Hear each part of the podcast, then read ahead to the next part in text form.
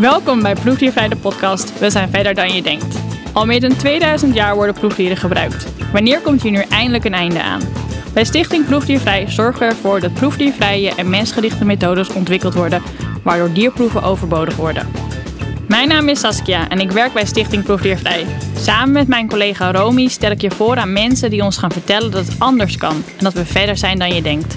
Want we weten, we zijn er nog niet. Juist daarom laten wij in acht afleveringen verschillende proefdiervrij pioniers vertellen hoe wij hier verandering in gaan brengen. Want wordt het niet eens tijd dat we het gaan hebben over een proefdierenverbod? Welkom lieve luisteraar, het is zover. We zijn al sinds april dit jaar bezig met antwoord vinden op de vraag: is de tijd niet rijp voor een proefdierenverbod?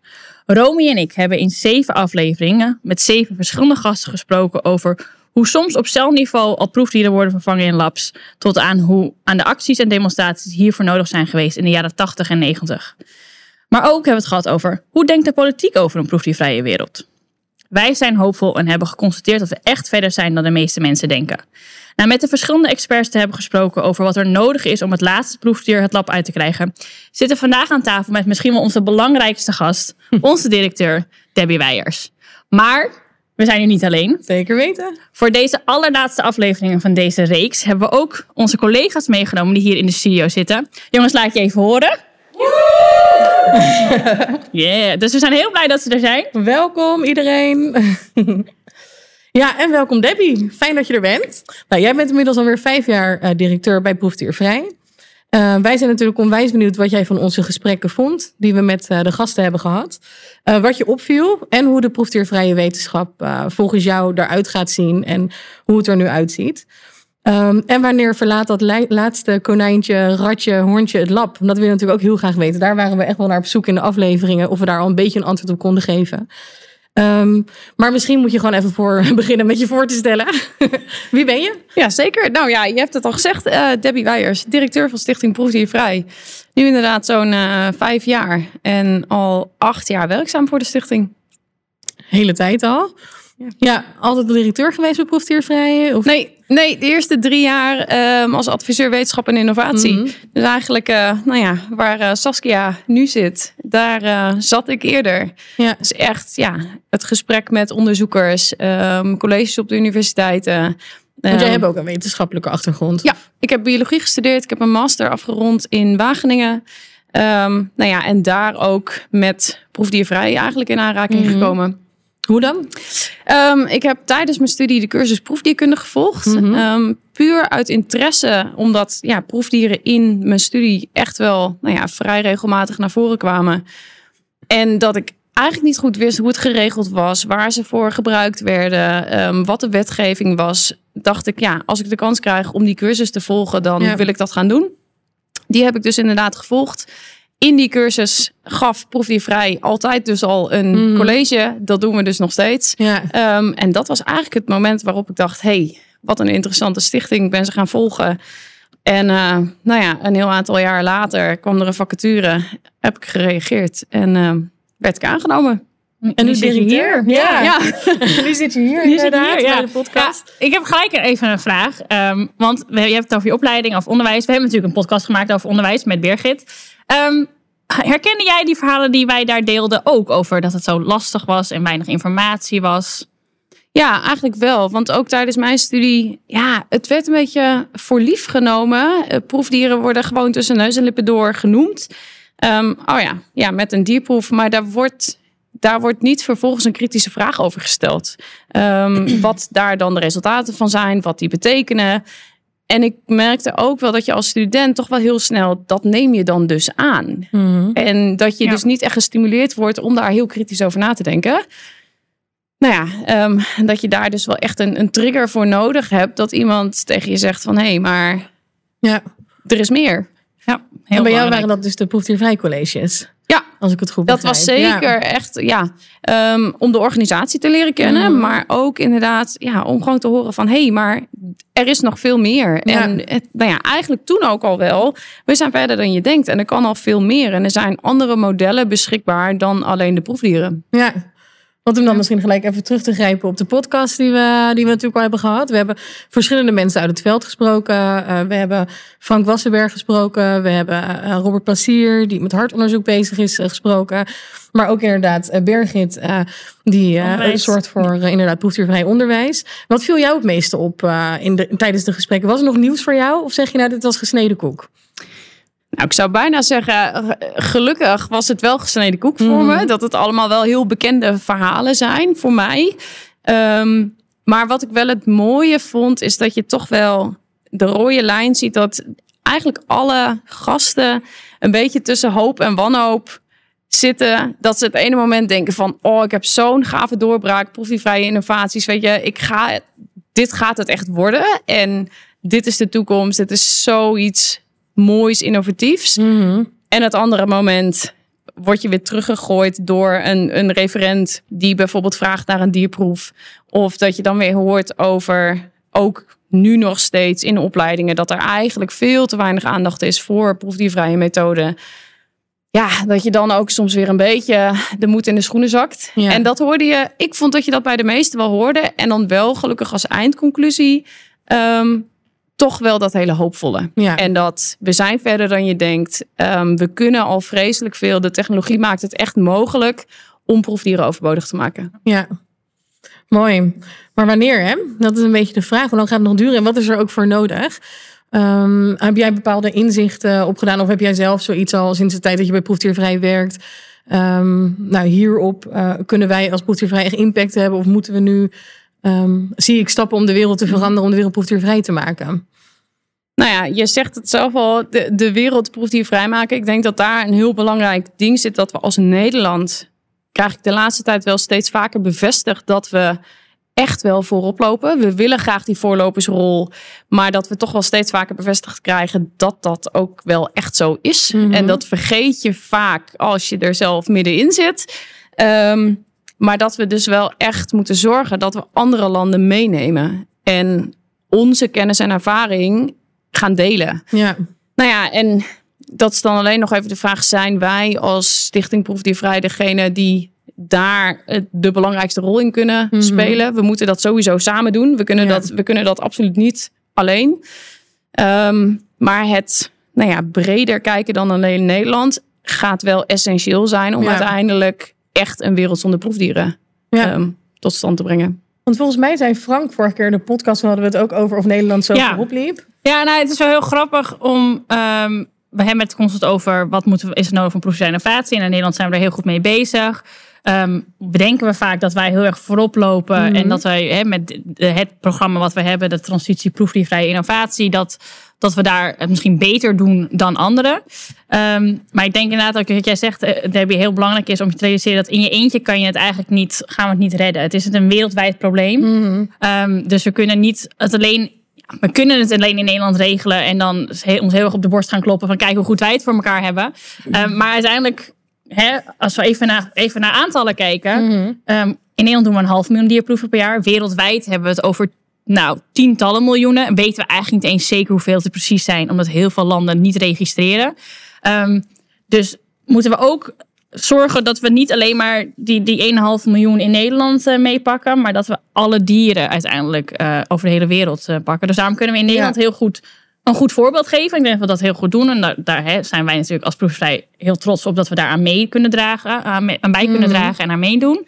Ehm, maar Ja. moeten we niet vergeten dat, ja, dat wij in Nederland ook maar een klein landje zijn. Ja. En, Ja, eh, waar ik ook een beetje op doelde, wat volgens mij Frank Wasberg vorige keer ook zei, is dat, want toen lieten we ook vallen, ehm, Nederland loopt best wel voorop qua proefdiervrije innovatie en qua het gesprek eh, daarover.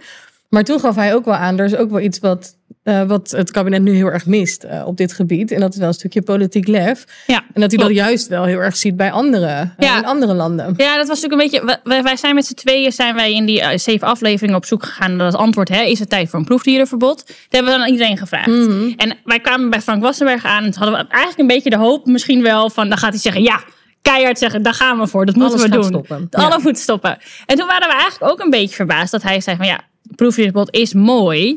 ehm, maar eigenlijk hebben we het niet nodig. Als we kijken naar wat we, wat we, nu, al, wat we nu al hebben liggen qua wetten, qua regelgeving, Mhm. qua innovatie kunnen we al veel meer, veel minder dierproeven doen. En kunnen we al veel harder ehm, eigenlijk een streep zetten door een aantal dierproeven heen. Hij noemde dat, hebben we daar politieke lef voor nodig. Ja. We moeten als politiek, moet, die, moeten we durven om eigenlijk de wetten die we al hebben liggen, gewoon goed te gaan toepassen, goed te gaan handhaven en echt een beetje wat strenger te zijn. Ehm, Ja, maar wat dan, voor- dat, dat, ja. dat, dat oppert natuurlijk dan een beetje de vraag: wat, wat houdt dan, ons dan tegen? Wat houdt de wetenschap dan tegen om wel die stap te zetten? Ehm, de middelen zijn er dus voor een groot deel al. De wet staat, is eigenlijk, biedt al de ruimte. Wa- waar, waar, zit, waar zit het dan maar in? Ehm, Demi, ja, wat denk jij daarvan? Ja, een hele goede vraag. Waar zit het hem dan echt in? Nou ja, ik denk dat het dus in zoveel dingen zit, omdat het juist het hele systeem is gebaseerd op dierproeven. Want dat doen we al decennia lang, ehm, doen we onderzoek met behulp van proefdieren.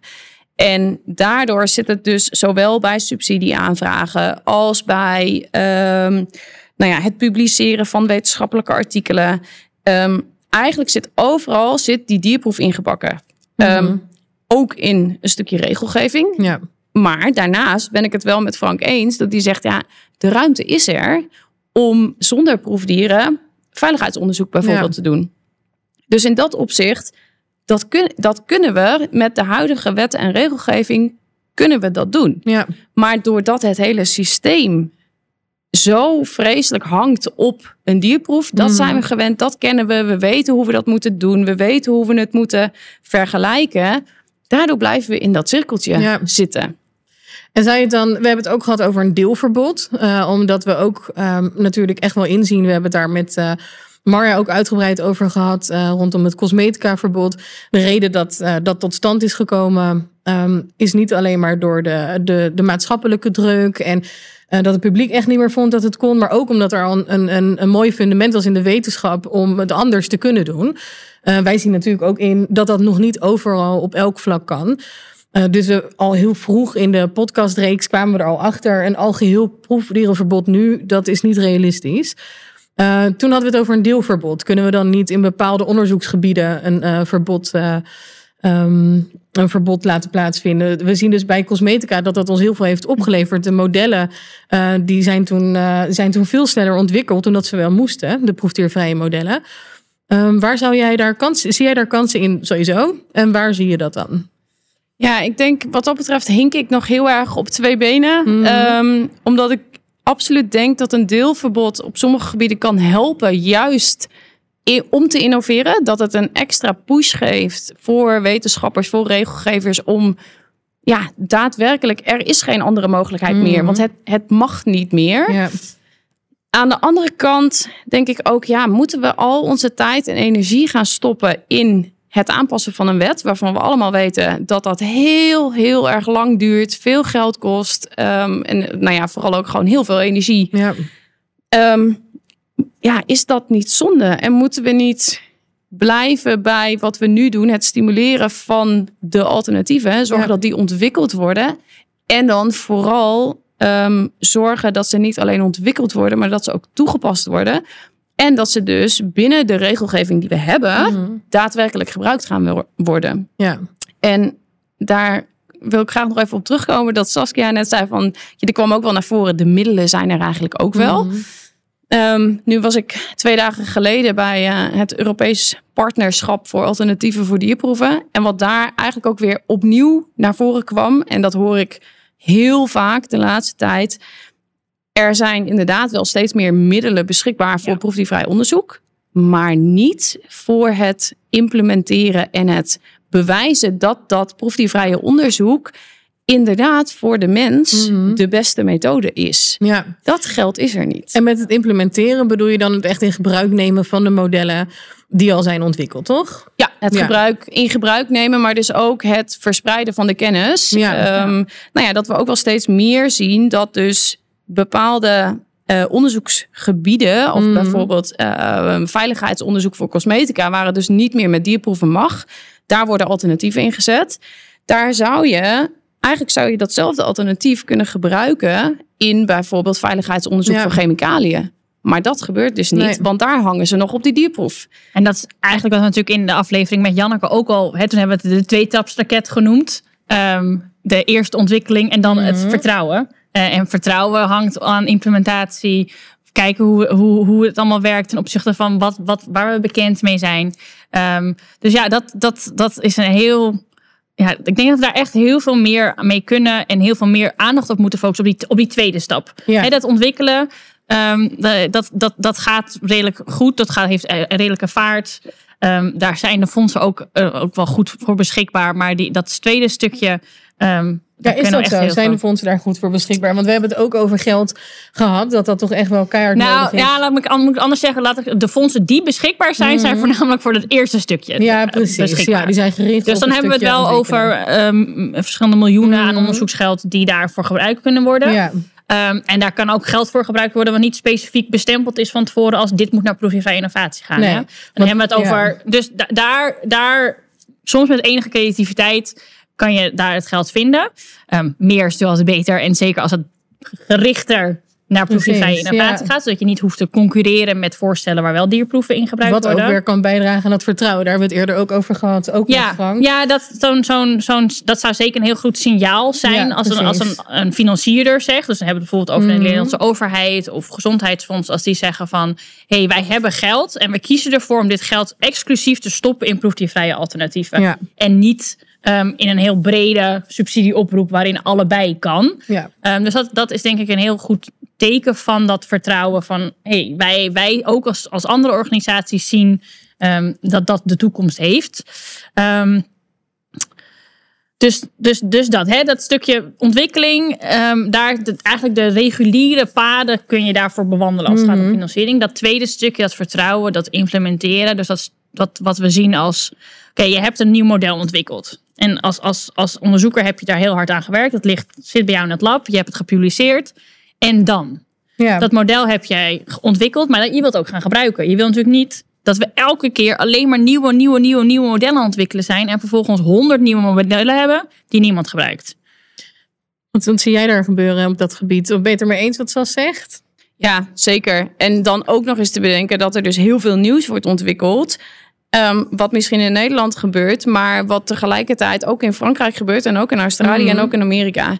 Ja, daar kunnen we gewoon nog heel, heel veel winst Ja. behalen. Ook in dat stuk ontwikkeling. Ehm, maar ik denk zeker dat de aller, allergrootste stap in dat tweede deel zit. Het verspreiden van die kennis die we dus al hebben opgedaan. Wat is er al beschikbaar? Ja. zodat dat ook gebruikt gaat worden. En dat het dus ook niet binnen de academie blijft, dus bij alleen universiteiten en medische centra, maar dat dus ook bedrijven, regelgevende instanties daar ook steeds meer bekend mee worden Mhm. en dat die ook dat vertrouwen kunnen opbouwen. Want dat is denk ik wel echt een rode draad, dat vertrouwen. Als dat vertrouwen er niet is, gaan wij niet tot een proefdiervrije wereld komen. Nee. En moeten... Sorry. Nou ja, ik, ik, ik dacht, hè, misschien kunnen we even het hebben over van hoe, hoe, hoe zien wij als proefdiervrij de rol, daar, onze rol daarin? Kan je misschien al een tipje van de sluier oplichten van hoe wij denken dat we daarbij kunnen gaan dragen? Nou, ik denk dat het gesprek aangaan over ehm, het gebruik van proefdiervrije innovaties en waar we naartoe willen. En ook juist zien te achterhalen waardoor hebben mensen nog geen vertrouwen. En waar zit dat? Mhm. Is dat dan in de academie? Is dat bij de regelgevende instanties? Ja. En wat hebben zij nodig om dat vertrouwen en die acceptatie wel te krijgen? En ik denk dat we daar al wel deels een antwoord op hebben. Dat we ze ook gewoon letterlijk moeten gaan laten zien dat het voor de mens betere resultaten geeft. We En moeten niet willen je daar dan mee? Aan wie moeten we dat laten zien? Ehm, nou ja, aan de regelgevende instanties, Ja. aan andere wetenschappers binnen bedrijven of binnen universiteiten, allebei. Maar ook aan de politiek. En ook aan nou ja, de maatschappij. Ehm, iedereen die nu zit te luisteren. Ook wij moeten uiteindelijk met z'n allen het vertrouwen krijgen dat voedsel veilig is. Ehm, zonder dat dat getest is op een proefdier. Ja. En dat ook onze medicijnen werkzaam zijn en geen eh, toxisch effect hebben. Mhm. Zonder dat daar een proefdier voor gebruikt is. Ja. Dus dat vertrouwen is denk ik heel breed moeten we dat uiteindelijk inzetten. Maar nu in eerste instantie denk ik dat daar de grootste ehm, slag zit bij de regelgevende instanties. Dat er in de wetenschap nu heel veel ontwikkeld Mhm. is. Om het daadwerkelijk te gaan gebruiken en breed te verspreiden, Ja. is dat vertrouwen bij die regelgevende instanties nodig. Ja, ik vind het wel leuk om nog heel even in te zoomen op dat alternatief. Want daar hebben we het vooral de eerste, ehm, de eerste aantal podcasts over gehad. En hebben we veel wetenschappelijke gasten gehad. Dat hebben we ook expres gedaan om echt te hebben over... ehm, ja, hoe werkt nou zo'n eh, model? Dat waren ook vaak hele technische gesprekken wat we hier hebben gehad. Dat Sas het vooral kon voeren, het gesprek. Dat ik een beetje zat, hoe werkt dat dan? En wat op, wat op stelniveau? Ehm, maar ik vind het wel leuk om daar nog heel even op in te zoomen. Want je zegt, ehm, mensen moeten vertrouwen krijgen dat het beter is dan een, eh, dan een, eh, een, een, een muis of een test op een rat. Eh, maar we doen het natuurlijk al jaren zo. We weten dat wat eruit komt, eh, dat, daar wel, dat daar resultaten uitkomen die ons hebben geholpen. We zijn beter geworden van bepaalde medicijnen. We zijn niet ziek geworden van bepaald eten. Wat is er dan zo beter aan die alternatieven die je noemt? Nou, ik denk dat we absoluut veel te danken hebben aan proefdieren die we in het verleden gebruikt hebben. Toen hadden we ook gewoon geen betere modellen beschikbaar. Maar inmiddels zijn de technologische ontwikkelingen zo snel gegaan en kunnen we op basis van menselijke cellen en weefsels kunnen we onderzoek doen. Ja, Dus wat er echt beter aan is, is gewoon de vertaalslag die je dus maakt vanuit een, ehm, een, een proefdiervrij model, gebaseerd op, op menselijke cellen en weefsels. Dan zit je dus al in dit organisme. Ehm, nou ja, waar ik ook even aan moet denken, onderzoek naar depressie is in mijn ogen echt iets wat juist heel specifiek is voor mensen, voor ons als organisme. Mhm. Ehm, dat komt gewoon door de manier waarop wij leven, waarop we opgroeien, wat er allemaal op ons afkomt. Ehm, wat doen ze daar nu nog voor onderzoek voor? Dat is dus onderzoek met muizen, ehm, waarbij ze een muis eigenlijk in een bak met water stoppen Mhm. waar die niet uit kan. Dan krijgt hij verschillende medicijnen toegediend. Ehm, hoe langer een muis blijft zwemmen, hoe minder depressief die zou zijn.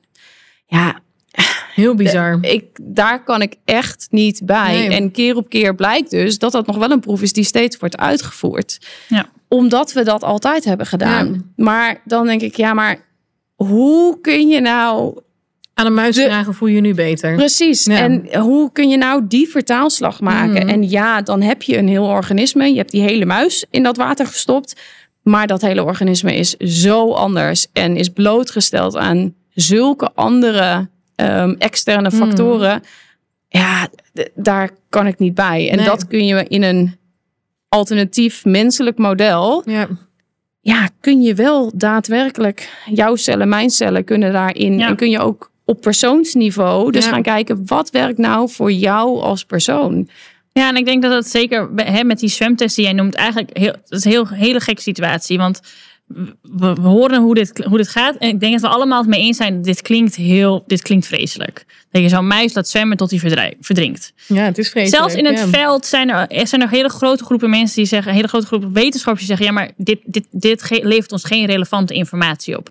Dus de hele wetenschappelijke redenatie, relevantie is er al niet meer. Mhm. Dus dat betekent dat we ehm, eigenlijk geen goede, goed excuus hebben, geen goede reden om dit te doen. Dus dit is gewoon, ja, ik zou het, bij- ja, ik zou het toch wel echt moreel verwerpelijk willen Mhm. noemen. Ehm, dus super, super niet ethisch om deze test te Nee. blijven doen. Ehm, en ik denk dat dit ook een heel, een heel concreet voorbeeld is van waar we politiek lef nodig hebben. Want hier moet gewoon iemand opstaan en zeggen: Oké, maar dit gaan we gewoon verbieden. Dit gaan we echt stoppen. Als je dit nog gaat doen, krijg je geen vergunning meer. Gaan we, dan is er niet meer eh, nee tenzij. Want dit, er is geen tenzij, dus is het nee. Is dat verbodwaardig? Ehm, nou ja, eh, eventjes heel praktisch kijken. Debbie gaf het ook aan. Een verbod in is heel veel tijd en geld Ja. en, en, en energie. Dus ehm, de, de, dat, dat, de, de vraag is, is het nodig? Ja, precies. Want als we eens heel goed kijken naar wat er nu in de wet staat. Hè, we hebben een nee-tenzij beleid. Dat Mhm. tenzij gaat over, oké, nee, het mag niet. Tenzij je kan aantonen dat het nut heeft voor de menselijke gezondheid. En dat er geen andere manier is om te doen. Ja. Dus het- bij deze kunnen we zeggen, het heeft geen nut voor de menselijke gezondheid. Ehm, en er zijn misschien wel andere manieren om het te doen. Ja. Dus je tenzij valt weg, dus het is gewoon nee. En ik denk dat als we... Maar waarom wordt het dan toch gedaan? Het gebeurt nog steeds, geef je aan. Ja, ja, ze krijgen er vergunningen voor. En omdat er toch ook nog wel... ehm, ja, dan wordt er bijvoorbeeld bedacht gezegd... Ja, maar hè, we hebben het altijd zo gedaan. Mhm. Ehm, dus dit, dit is een maat, iets wat we kunnen meten. Ja. Dit kunnen we in relatie plaatsen tot dat, dat data uit het verleden. Dus we kunnen er wel iets van leren. Ja, dat is ook een punt wat wel terugkwam elke keer. Hè? Dat, dat zien wij natuurlijk ook nog wel eens bij um, uh, proefdiervrije onderzoeken. Dat het vaak nog wordt vergeleken hm. met hoe, um, uh, hoe, dat dan, hoe die resultaten dan uit proefdierenonderzoek uh, zouden zijn. Wat vind je daarvan? Moeten we dat, is dat belangrijk om te blijven doen? Want zo blijf je eigenlijk altijd proefdieren dan nog gebruiken. Wanneer stopt dat dan een keer? Nou, ik denk dat we absoluut niet de resultaten uit alternatieve modellen zouden moeten vergelijken met de dierproef. Want we willen niet weten hoe het in een muis werkt. Nee, nee we willen weten hoe het in een menselijk lichaam werkt. Mm -hmm. En nou ja, ook daar is denk ik wel weer een stukje vertrouwen nodig.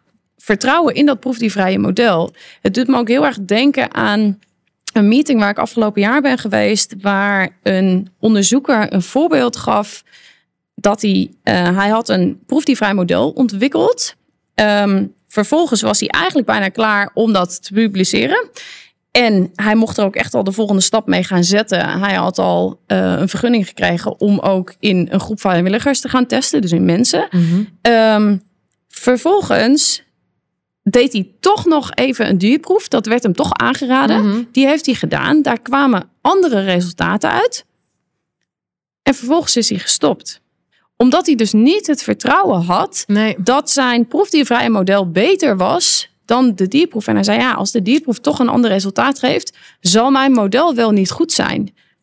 Maar ik dacht, ja, maar wie zegt dat? Ja. In mijn ogen is jouw, jouw proefdiervrije model veel beter. Mm -hmm. Maar ja, dat, durven, dat, nee. dat durfde hij dus toch niet aan ja. om dan die stap te zetten. Terwijl hij dus al een heel eind was. En mm -hmm. dat hij dus wel bij heel veel partijen om hem heen heel veel vertrouwen was. Ja. En uiteindelijk durfde hij het dus toch niet aan. Nee. En daar gaat het natuurlijk vaker fout. We hebben het daar ook wel over gehad, over helpetons. Hebben we het bijvoorbeeld hebben we het ook gehad oh, in onze podcast. Ja. Uh, waar jij ook heel terecht zei, we moeten proefdieren niet indenken. Uh, dus we moeten gewoon van, van nou ja, gewoon, ik zeg het als niet-wetenschapper gewoon, maar uh, we moeten maar van, moet gewoon worden. van, ja. van een heel lastig probleem moeten we een oplossing vinden. En toen zei ik, ja, dan moet je proefdieren uitdenken. Toen zei ze zelfs, nee, je moet ze gewoon niet indenken. Je moet gewoon richting, je hebt het over een mens, dus denk ook vanuit de mens en naar de oplossing. Uh, en inderdaad niet tussendoor vergelijken met hoe zou dat in een rat zijn of hoe zou dat in een hond zijn. Want dat zijn we niet. Ik denk dat dat ook het grootste verschil is voor mij in ieder geval tussen het 3V-beleid zoals we dat in Nederland kennen. Ja. Dus de, het verminderen, de, vervangen en verfijnen van precies. dierproeven. Precies. Dat is het beleid waar eigenlijk, waar in Nederland alle wetgeving en regelgeving um, rondom gebouwd is. En dan hebben we TPI, de transitie proefdiervrije innovatie. Ja. En ik denk dat dat, dat is een echt, project vanuit de overheid is dat, ja, hè? Ja. Dat dat echt twee, twee verschillende lijnen zijn. Want het 3V-beleid, daar ga je, je start bij een dierproef. En je gaat bedenken, kan ik het met minder dieren? Kan ik het mijn dier prettiger maken? Mm -hmm. um, of kan ik dat dier helemaal vervangen? In de transitie proefdiervrije innovatie begin je bij je vraag en ga je kijken wat zijn de best beschikbare modellen. Ja. Hoe kan ik het best tot, mijn, tot het antwoord op mijn vraag komen? Ja. Um, dus daar, daar ga je helemaal niet iets vervangen. Want je denkt überhaupt niet in eerste instantie aan een dier. Nee, eigenlijk hoe het vanaf het begin misschien wel had moeten zijn, de wetenschap natuurlijk. Hè? Ja. ja. Ik stel ook nog wel eens de vraag als mensen zeggen: ja, maar we hebben zoveel aan dierproeven te danken. Ja, ja maar wat als we ja. nooit, als er nooit iemand was geweest die gestart was met het onderzoeken van een dier? Ja. Um, wie ja. weet waren we wel verder geweest. Ja, want, ik weet het niet. Nee, maar... Ja, want we hebben het altijd over de dingen die dierproeven ons opgeleverd hebben. Maar we hebben het bijna nooit over, dingen die de, uh, over de dingen die het ons gekost heeft. Hmm. En je kan je heel goed voorstellen dat uh, het feit dat we altijd maar vanuit gegaan zijn dat een muis of een rat hetzelfde reageert op iets als een mens. En we weten dat het niet zo is. Dat dat er ook toe geleid heeft dat heel veelbelovende medicijnen die wij als mens al heel goed hadden kunnen gebruiken, nooit bij ons terechtgekomen zijn. Omdat een muis of een rat daar wel misschien ziek van werd of kanker van kreeg. Of uh, uh, bedenk het maar. Um, maar ja, dat, is er gewoon nooit zo ver gekomen. Want nou, die rat wordt er ziek van. Nou, daar worden wij mensen er vast ook ziek van. Dat is gewoon niet een aanname die Nee. je eigenlijk meer kan doen. Um, dus wat heeft het ons gekost? Daar gaan we nooit achter komen, want dat is informatie die zo ver, ver weg eh, verborgen eh, is. Dat, dat, de, dit, daar kunnen we waarschijnlijk nooit een soort van leuke opzomming van maken. Ehm, maar ik denk dat dat ook een goede, goede, goed is om over na te denken. Ja, het heeft ons ding opgeleverd, maar wat heeft het ons gekost? Ja, dus en hoe lang alle- zijn we bereid Ja. ook om, om die kosten nog te aanvaarden, wetende dat we zoveel meer en zoveel beter kunnen door proefdiervrije modellen te gebruiken? En dan heb je het niet alleen over wat heeft het ons gekost qua dierenleed en dierenlevens. Maar dus ook qua- Eh, Dat, dat, dat, nee, dat, dan hebben we het daar nog niet eens over. Want als we dat ook nog gaan meetellen, dan denk dan ik dat je eigenlijk... Dan, dan, moeten kom- worden ja, natuurlijk. nee, maar dan kom je op een antwoord uit wat Ja. je, dat je denkt, hoe, hoe verantwoorden we dit eigenlijk nog? ja, Ehm, dus ik denk dat daarom heel veel mensen die dat optelsommetje eigenlijk nooit maken. Want dan wordt het wel heel moeilijk om te verantwoorden ja. ehm, waarom eh, zo'n dierproef nou elke keer toch eh, gedaan wordt. Ehm, nou ja, het heeft dus inderdaad dus, eh, veel gekost. Eh, we hadden het inderdaad, ik vroeg al even aan Sas, eh, ehm, bedoel je dan daarmee dierenleed en eh, de dierenlevens? Want dat, ja, niet dat we dat vergeten in gesprekken, dat is natuurlijk waar we het voor doen. eh, What's in the name, uh, proefdiervrij. Maar ehm, onze organisatie Proefdiervrij, wij werken heel veel samen met de wetenschap. Ehm, we communiceren ook over wetenschappelijke modellen. Ehm, we gaan daar ook echt inhoudelijk, eh, ehm, ook in de podcast gaan we daar heel veel op in. Eh, waar komt bij ons het ethisch aspect naar voren? Eh, is dat bij jou? ehm, eh, is- waar zie je dat terug? Is dat nog steeds zo aanwezig? Vroeger waren we acties aan het voeren in konijnen pakken. En ehm, ja, waar zit dat nu nog in de organisatie? Is dat nog genoeg te vinden? Ja, wat mij betreft zeker weten dat het nog steeds gewoon dat het proefdier, dat is waar we het voor doen. Ehm, ja, we zijn Stichting Proefdiervrij. Uiteindelijk is ons doel om ehm, alle proeven op dieren overbodig te maken. En onze strategie daarbij is inderdaad het stimuleren van de ontwikkeling en implementatie van proefdiervrije modellen. Maar uiteindelijk blijft het doel, we willen die proefdieren uit de laboratoria hebben. Ehm, om verschillende redenen. Om, omdat ze, eh, de resultaten die komen uit eh, de dierproeven Mhm. zijn niet goed vertaalbaar. Dat is een hele belangrijke. Maar minstens zo belangrijk is het feit dat die dieren, ehm, ja, dat wordt dan in, in vaktermen wordt dat ongerief genoemd. Mhm. Dus dat ze pijn lijden of stress ervaren. Ja. Ja, en als dat ook nog eens een keer niet nuttig is, laten we er alsjeblieft mee stoppen. Ja. Ehm, dus wat mij betreft, ja, zijn de dieren zijn bij ons misschien minder in eerste instantie op de voorgrond aanwezig.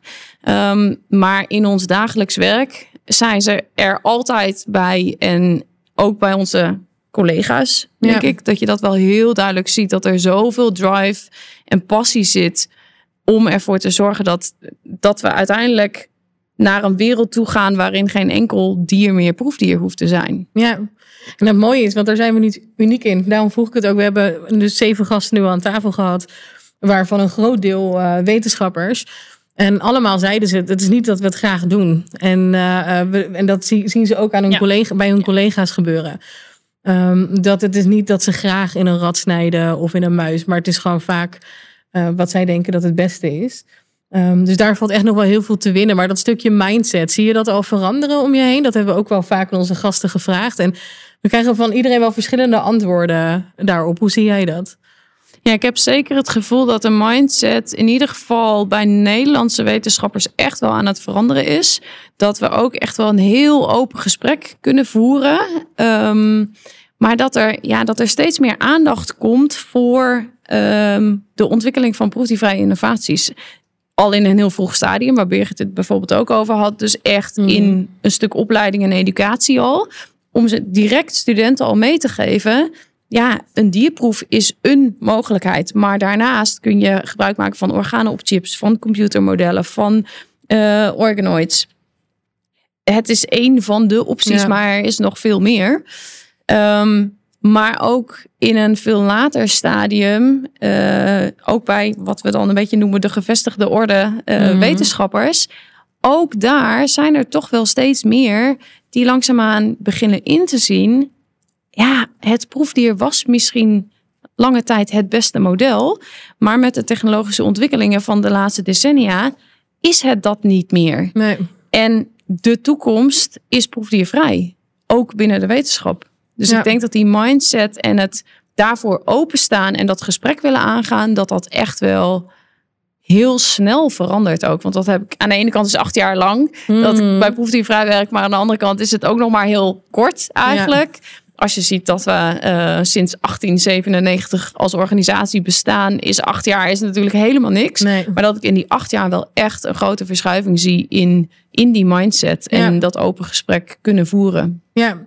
Zie je er een versnelling in? Dus is het, duurt het dan nog 125 jaar voordat we van proefdieren af zijn? Ik hoop het absoluut niet. Maar ik, ik heb ook daadwerkelijk goede hoop Mm. dat, dat, dat we niet nog 125 jaar nodig hebben. Nee. Ehm, door die technologische ontwikkelingen die nu zo vreselijk snel gaan, wat we nu al kunnen.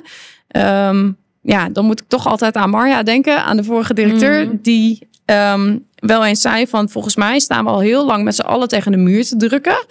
Ehm, langzaam brokkelt die muur een beetje af, maar er gebeurt nog niet heel veel. Die muur die gaat in één keer omvallen. Ja. Als dat Mooi, besef er komt, ja, dan zijn we er. Dat laatste setje wordt, gaat heel Precies. snel. Ja. ja. En nu voelt het nog als duwen we tegen de Ja. muur met z'n allen, wat geen zin heeft. Blijven doen, want uiteindelijk gaat die. Gaat die kantelen, ja. Ja. Dan is het alweer tijd voor, denk ik, de laatste vraag eh, voor vandaag. Om het een beetje eh, in de tijd te houden. Ehm, we hebben het gehad over heel grote thema's eigenlijk. Hè? Vertrouwen, internationale samenwerking, eh, financiering. Ehm, als we nou eventjes het proberen een beetje op te breken en even naar onszelf te kijken. Wat, wat, wat zijn, waar, waar gaan wij ons mee bezighouden de komende, nou, het komende jaar? Eh, Debbie, kan jij onze luisteraars misschien al een beetje eh teasen? Ja, hele goede vraag. Want waar ik in het begin al zei, ja, we moeten wel zorgen dat we als Nederland niet een eilandje worden en eh, de rest van de wereld vergeten. Ehm, ja, we zijn ook maar een organisatie ehm, waar zo'n twaalf mensen werken. Ehm, we kunnen echt wel heel wat betekenen, maar we kunnen ook weer niet in ons eentje de wereld eh, veranderen. Ehm, dus we moeten daar zeker weten in samenwerken. Dat zullen we ook absoluut blijven doen. En voor aankomend jaar denk ik dat we twee heel belangrijke eh, speerpunten zullen gaan benoemen. En dat is toch wel één budget. Ehm, dat kan niet alleen maar van ons komen. We zijn onze donateurs ontzettend dankbaar voor alles wat zij ons geven. Maar dat is niet voldoende om uiteindelijk echt de hele wetenschap te veranderen. Ehm, dus we gaan richting politiek ehm, echt sturen op veel meer budget voor proefdiervrije innovaties. Ehm, dus daarmee ook nou ja, onze campagne Mhm. eh, proefdieren in de begroting uit de wereld. Die gaan we absoluut eh, voortzetten. En dan gaat het nog even een vraagje daarover. Dan gaat het niet zozeer om meer geld. Want er gaan natuurlijk al miljarden naar de wetenschap. Maar het gaat om een, ehm, ja, een goede verdeling van het geld. Hè? Klopt. Ja. Ja. dat er dus heel duidelijk meer geld gaat naar proefdiervrije wetenschap.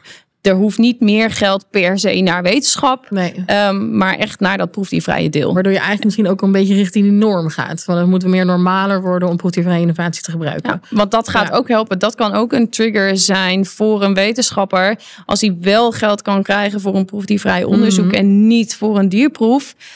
Ja, als dat het begin is om iemand aan het Ja. denken te krijgen, ja, dan is dat het begin. Mooi. Ehm, ja. dus dat is denk ik een hele belangrijke, het budget. En daarnaast zie ik ook echt wel, en nou ja, met mij gelukkig al mijn collega's, ehm, veel kansen binnen het veiligheidsonderzoek. Mhm. Dat we daar met relatief ehm, weinig hele grote verschillen kunnen maken. Omdat veiligheidsonderzoek vaak zijn dat heel repeterende onderzoeken. Dus nou ja, eenzelfde type dierproef in dit geval dus Mhm. nog, wordt heel vaak uitgevoerd. Als we die ene dierproef overbodig kunnen maken en daar een, een beter proefdiervrij model voor in de plaats krijgen, ja, dan ga je dus in aantallen dierproeven ga je echt een groot verschil maken. Kan je een beetje een aantal noemen? Of een richting? Of hoeveel proefdieren hebben we dan?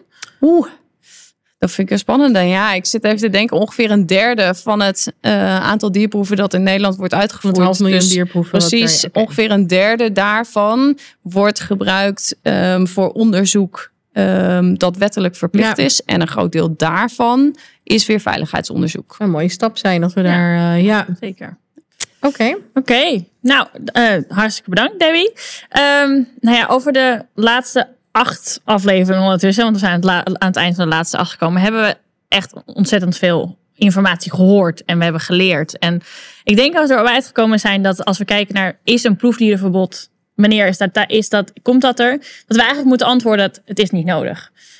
Um, ik denk dat we um, gehoord hebben wat er wel nodig is om dat, dat aantal Mhm. dierproeven nou echt uh, te verminderen en hopelijk helemaal, of uh, uiteindelijk helemaal um, naar nul te brengen. We hebben eindigd al met regelgeving, veiligheid. Dus kijk naar de regelgeving die er nu is. Daar zit heel veel meer ruimte in dan dat we misschien denken om proefdiervrije modellen te gaan gebruiken. Pak die ruimte. Misschien, en dat is dan onze taak als proefdiervrij, dwing mensen om die ruimte in te nemen. Of dwingen, um, stevig motiveren. Um, om, om die ruimte, om, uh, lef, pak die ruimte. Um, en en ver, verschuil je ook vooral niet achter, ja, maar het moet volgens de wet. Nee. Um, dus dat denk ik, dat hebben we nodig. Uh, regel, pak, de, pak de ruimte in, in, de, in de regelgeving, heb het lef. En dat zeg je tegen?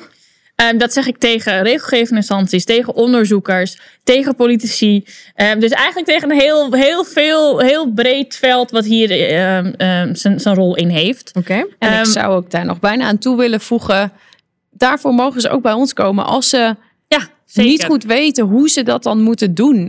ik, nou, ik denk dat we daar wel heel veel ervaring in hebben gekregen. En Um, daar ook onderzoekers in, in hebben kunnen helpen. Hoe ze, nou ja, voor sommigen voelt het toch wel een beetje als hun hoofd boven het maaiveld steken. Hoe we ze daar toch in kunnen begeleiden in een, in Ja. een stukje communicatie. Um, hoe ze dat lef kunnen tonen zonder dat, nou ja, dat ze daar zelf echt heel veel last van gaan krijgen. Zeker, ze- ja, dat is ook heel belangrijk. Samen die muur afbrokkelen. Samen. Totdat die Dat- opvalt. wij, wij, wij geven dat extra Ja. steentje kunnen wij geven. Dus we hebben aanpassen regelgeving. Dan denk ik als tweede heel belangrijk, daar begonnen we eigenlijk mee en dat- dat zien we constant terugkomen, is dat investeren in proefdiervaar onderzoek. Ja. In ontwikkeling, hè, de eerste fase van ontwikkeling, maar ook in die, dat latere fase, dat implementatie, validatie, dat stukje vertrouwen zoals wij dat genoemd hebben. Ehm, daar moet veel meer geïnvesteerd worden. Kijk, wij als proefdiervaar doen dat al. Ehm, maar als de overheid en andere, eventueel andere fondsen, andere organisaties dat ook zouden doen, dat, dan, dan kunnen we echt nog harder gaan duwen tegen die muur. Dat zijn echt, eh, nou, hoe zeg je dat? eh eh, wrecking balls zouden Ja. dat kunnen zijn. Maar goed Nederlands even aan. Ja. Ja. Dus hè, eh, regelgeving geldt. Vertrouwen. Ja. Ehm, het vertrouwen komt eh, de- deels door ontwikkeling, maar ik denk ook heel belangrijk, de communicatie daarin eh, is heel belangrijk om te laten zien wat er al gebeurt. Ehm, delen van kennis. Ehm, zorgen dat we niet constant nieuw, nieuw, nieuw gaan doen, maar ook Ja. alles een stapje verder kunnen brengen. En misschien denk- ook laten zien wat niet werkt. Dat zei Frank natuurlijk ook nog wel. Zeker laten- ook laten zien wat Ja. niet werkt. Ja, ik, ik- wat me heel erg ook van hem bijgebleven is, hè, dat getal wat hij noemde, 90% van de dierproeven heeft niks opgeleverd Ja. voor mensen. Dat je, als je dat hoort, dan denk je, wauw. Dus Ja. dat, en, en dat, dat weten we, daar is onderzoek naar gedaan. Maar het is niet iets wat heel erg leeft bij de mensen. Dus dat moeten we ook laten zien, dat wat, wat niet werkt. En dan Ja. hè, vanuit ons gelijk je, maar wat werkt dan wel? Ja. Dus dat, dus dat. Dus ik denk dat we dan drie heel belangrijke Ja. items hebben die wel nodig zijn ehm, en, en die, het niet, die het onnodig maken om een proefdierenverbod ehm, Ja. in, te in te stellen. En dat Ehm, het anders kan, dat hebben al die gasten wel bewezen. Inclusief jij. Ja, we hebben zulke mooie dingen gehoord. En eh, dit is nog maar een topje van de ijsberg. eh, en dit is nog maar het puntje van het topje van de ijsberg. Er is nog veel meer. Dus eh, onwijs bedankt dat je erbij was. Ja. Dan was dit het voor de achtste aflevering van Proefdiervrij de podcast. En dat betekent dat deze eerste reeks, we zijn verder dan je denkt, ten einde gekomen is.